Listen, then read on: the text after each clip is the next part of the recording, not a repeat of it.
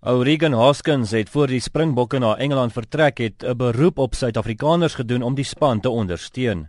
Hy het ook in 'n oop brief gesê die Springbokke het 'n goeie storie om te vertel, maar niemand wil luister nie. Maar wat is sy reaksie nou na die Bokke Saterdag teen Japan verloor het? Hoskins is nie altyd 'n maklike man om in die hande te kry nie.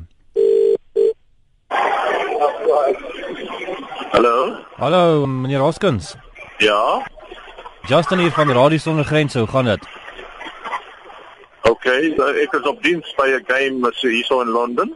Ek wil hoor of ek gou vinnig onderhoud met jou kan voer oor die Springbokke se nederlaag gister. Net 'n bietjie hoor uh, jou reaksie en so aan. Ja, nee, kyk, ek is baie teleurgestel, maar ek is op diens hierso. Ek is ehm um, ek is 'n direkteur van die World Cup. Ek is op diens by 'n game hierso. Ek kan nie nou praat nie. Hy het egter tyd gemaak om 'n blitsmening oor die wedstryd met ons te deel. Ja, ek is baie teleurgestel. Ehm um, baie teleurgestel. Maar kom ons kyk, kom ons kyk wat gebeur hierdie week. Ons is nie uit nie. Ons is nie uit nie. Of dit beteken dat Saru eers sal wag en sien hoe die bokke teen Samoa vaar voor hulle oor Meyer besluit, is nie duidelik nie.